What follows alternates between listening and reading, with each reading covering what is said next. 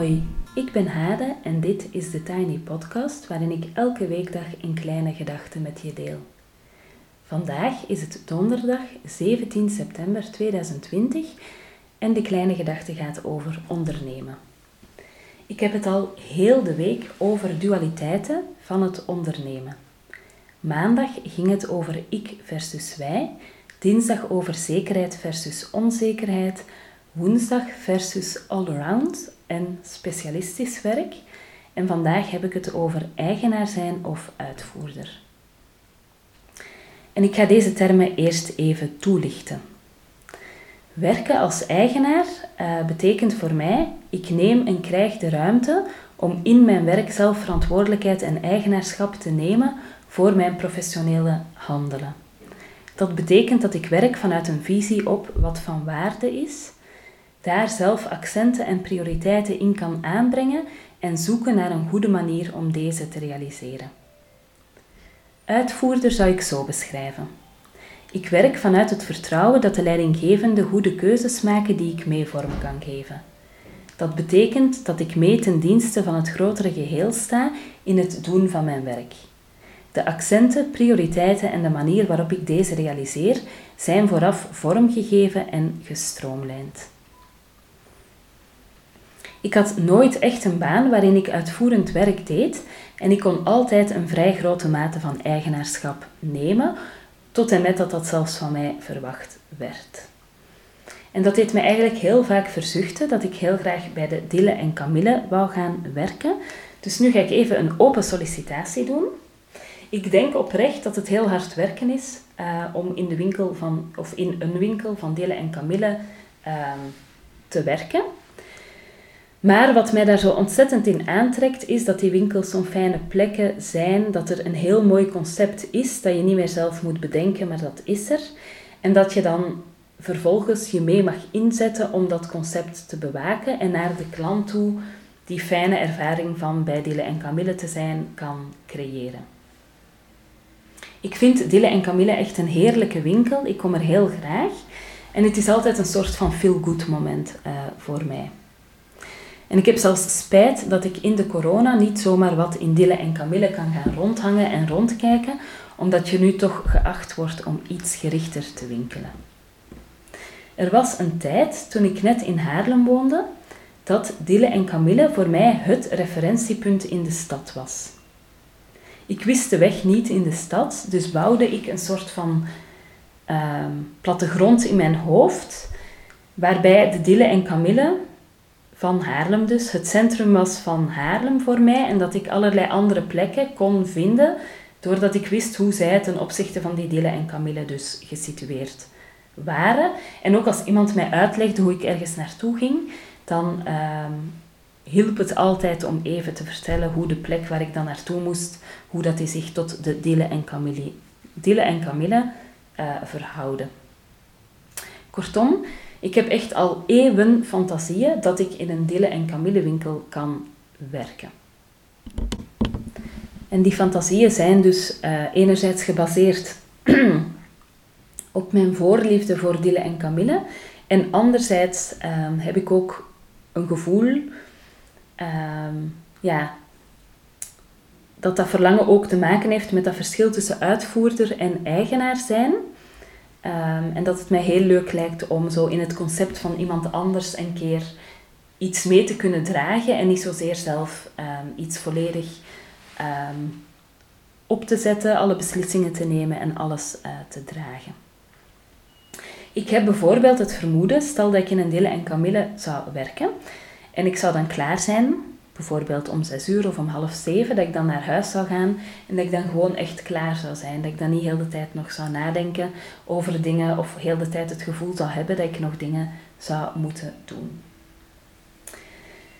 Ik weet dat eigenaarschap heel belangrijk is in je werk um, en dat het heel goed en heel belangrijk is om je ruimte te krijgen en te nemen om verantwoordelijkheid te nemen en de dingen op jouw manier te doen in je professionele handelen.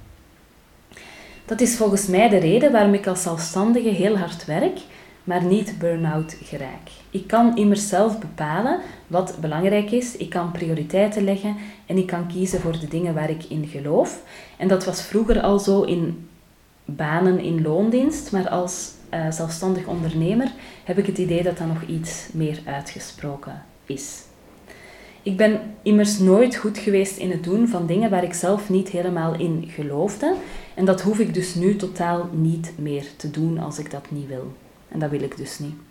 Ik ga een voorbeeld geven. Ehm, ik had altijd heel leuke banen waar ik helemaal uh, mij nuttig voelde en ehm, ja, waar ik echt achter mijn werk stond. Maar in een van mijn banen moest ik ooit een uh, studiedag organiseren. Um, wat ik ook heel goed en heel relevant vond. En dat was een studiedag voor het werkveld. En uh, op een bepaald moment moest ik daar iemand als spreker uitnodigen die niet naar die hele dag kwam, maar die gewoon een half uurtje invloog, het podium opstapte en een praatje hield. En vervolgens weer verdween door de achterdeur. Um, en dat was eigenlijk een soort van symbool, die persoon. Um, was ook een manier om mensen te overtuigen om naar die studiedag te komen. Um, ik vond het ook een beetje, deed mij wat politiek aan.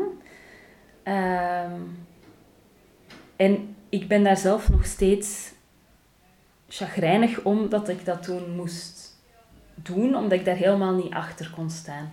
Ik vind zo'n studiedag die je dan voor een werkveld doet, um, dat dan een dag is waarop je samen met en voor elkaar leert. En dat bijvoorbeeld ook de interactie tussen de mensen op het podium en de mensen in de zaal heel belangrijk is, ook tijdens de pauzes en tijdens de lunch. Um, dat er een soort van um, wisselwerking ontstaat en dat er niet een idee is dat iemand gewoon alleen maar wat komt zenden. En ik heb echt de allergrootste moeite gehad om dat dus uh, op die studiedag te organiseren. Um, omdat ik mij zo ontzettend verzette tegen het idee dat iemand alleen maar even een half uurtje werd ingevlogen om te zenden en verder ook geen voeling had met wat er op die dag gebeurde. Um, ik vond het ook heel raar, dat was in de namiddag dat die persoon op het podium kwam. En dan denk ik van ja, waarom zou je dat zelf nu willen als spreker? Je hebt totaal geen idee wat er die dag gebeurd is, wat de energie is die er is, uh, of er iets emotioneels is gebeurd, of er uh, een discussie is ontstaan, of er een gevoeligheid is. Dus eigenlijk stap je ook in een soort van mijnenveld volgens mij als je die um, rol opneemt en out of the blue even um, op een podium wordt gezet, daar een praatje gaat houden en weer weggaat. Voor hetzelfde geld vertel je bijvoorbeeld uh, allemaal dingen die al gezegd zijn. Of um, raakt je verhaal helemaal niet aan wat er leeft in de groep waar dat je mee in gesprek bent. Um, ja, dus dat is een voorbeeld van iets dat ik moest doen ooit. Um, en dat heel normaal is volgens mij om dat soort dingen te moeten doen binnen een baan maar waarvan ik dan zelf um, heel veel last heb gehad. En als ondernemer kan ik nu ervoor kiezen om dat soort dingen dus helemaal niet meer te doen. En dat voelt ook wel goed. Het nadeel is wel dat eigenaarschap niet ophoudt. En dat geldt zowel in de tijd. Ik zit bijvoorbeeld vaak s'nachts nog na te denken over dingen. En dan schieten er ook allemaal dingetjes door mijn hoofd hebben, ja, zijn dingen die vaak te maken hebben met beslissingen die ik nog moet nemen of mailtjes of berichten die ik moet beantwoorden.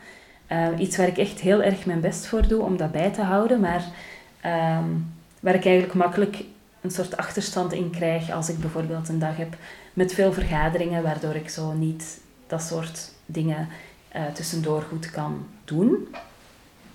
Um, en in mijn geval strekt het zich niet alleen in de tijd uit dat dat eigenaarschap nooit ophoudt, maar ook zo in de veelheid van de dingen die ik op dit moment binnen mijn bedrijf doe. Ik ben heel slecht in het mij beperken tot één element. Um, dus ik werk zowel voor organisaties als dat ik eigen, een eigen cursusaanbod heb, als dat ik bijvoorbeeld op dit moment uh, materiaal ontwikkel voor in een webshop.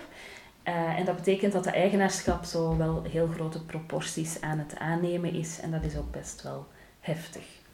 Dus wie weet beland ik ooit nog een keer in de dille en kamille. En daarover wil ik zeggen dat het gras vast groener is aan de overkant. Dus dat ik ook pas zou weten wat het is om in een dille en kamille te werken als ik er echt werk. Dus um, nou ja, wil ik even toch, na, ja, toch vertellen dat ik mij daar bewust van ben. Voilà, tot daar de gedachte over uh, eigenaar of uitvoerder zijn. Um, en dan wil ik ook nog vertellen dat ik dinsdag één jaar lang ondernemer was. En dat was eigenlijk heel feestelijk. Um, ik heb onder andere bloemen gekregen, ik heb mooie kaartjes gekregen, uh, cadeautjes. Uh, allemaal lieve, lieve wensen van lieve mensen. Dus dat vind ik eigenlijk ontzettend fijn en daarover wil ik jullie ook even bedanken. Um, op 14 november is er een mini-mini feestje in Haarlem in Hof 20 van 2 tot 5 in de namiddag, waar maar acht mensen bij aanwezig kunnen zijn. Um, het wordt een middag rond verandering in jezelf, in je omgeving, in de wereld. Um, en er zal taart zijn. Als je graag wil deelnemen aan die bijeenkomst, dan mag je mij een mailtje sturen met de reden waarom. Ik heb onder andere van Marta al een heel leuke, een heel geweldige mail uh, gekregen. Um, en dan ga ik zondag, denk ik, uh, mijn kinderen even de namen laten trekken. En maandag contacteer ik je als je uh, op 14 november welkom bent in Haarlem op het feestje. Um, en dan wil ik ook nog zeggen dat als de corona roet in het eten zou strooien in die periode, dat we dan gewoon naar een ander datum doorschuiven. En dan wil ik ook nog zeggen dat ik uh, deze ochtend allemaal wel welkomstmailtjes heb zitten schrijven aan mensen die zich de voorbije dagen hebben ingeschreven in een van mijn cursussen. En dat geeft me altijd een ontzettend warm gevoel. Dat, ja, ik vind dat ontzettend fijn om uh, ja, het vertrouwen van mensen te krijgen. Uh, en zo te weten dat ik met mensen een stukje op weg ga binnen een bepaald thema. Um, of binnen ja, iets nieuws dat ze gaan leren, bijvoorbeeld. Um, en ik ben echt ontzettend dankbaar voor het vertrouwen en ja, voor de inschrijvingen die er de voorbije dagen zijn geweest. Tot zover de Tiny Podcast voor vandaag. Je kan me volgen op Instagram, TheTinyPodcast. En je helpt me door deze podcast wat sterretjes te geven op iTunes, een review achter te laten en of hem door te sturen aan iemand anders die er misschien ook graag naar luistert. Tot morgen.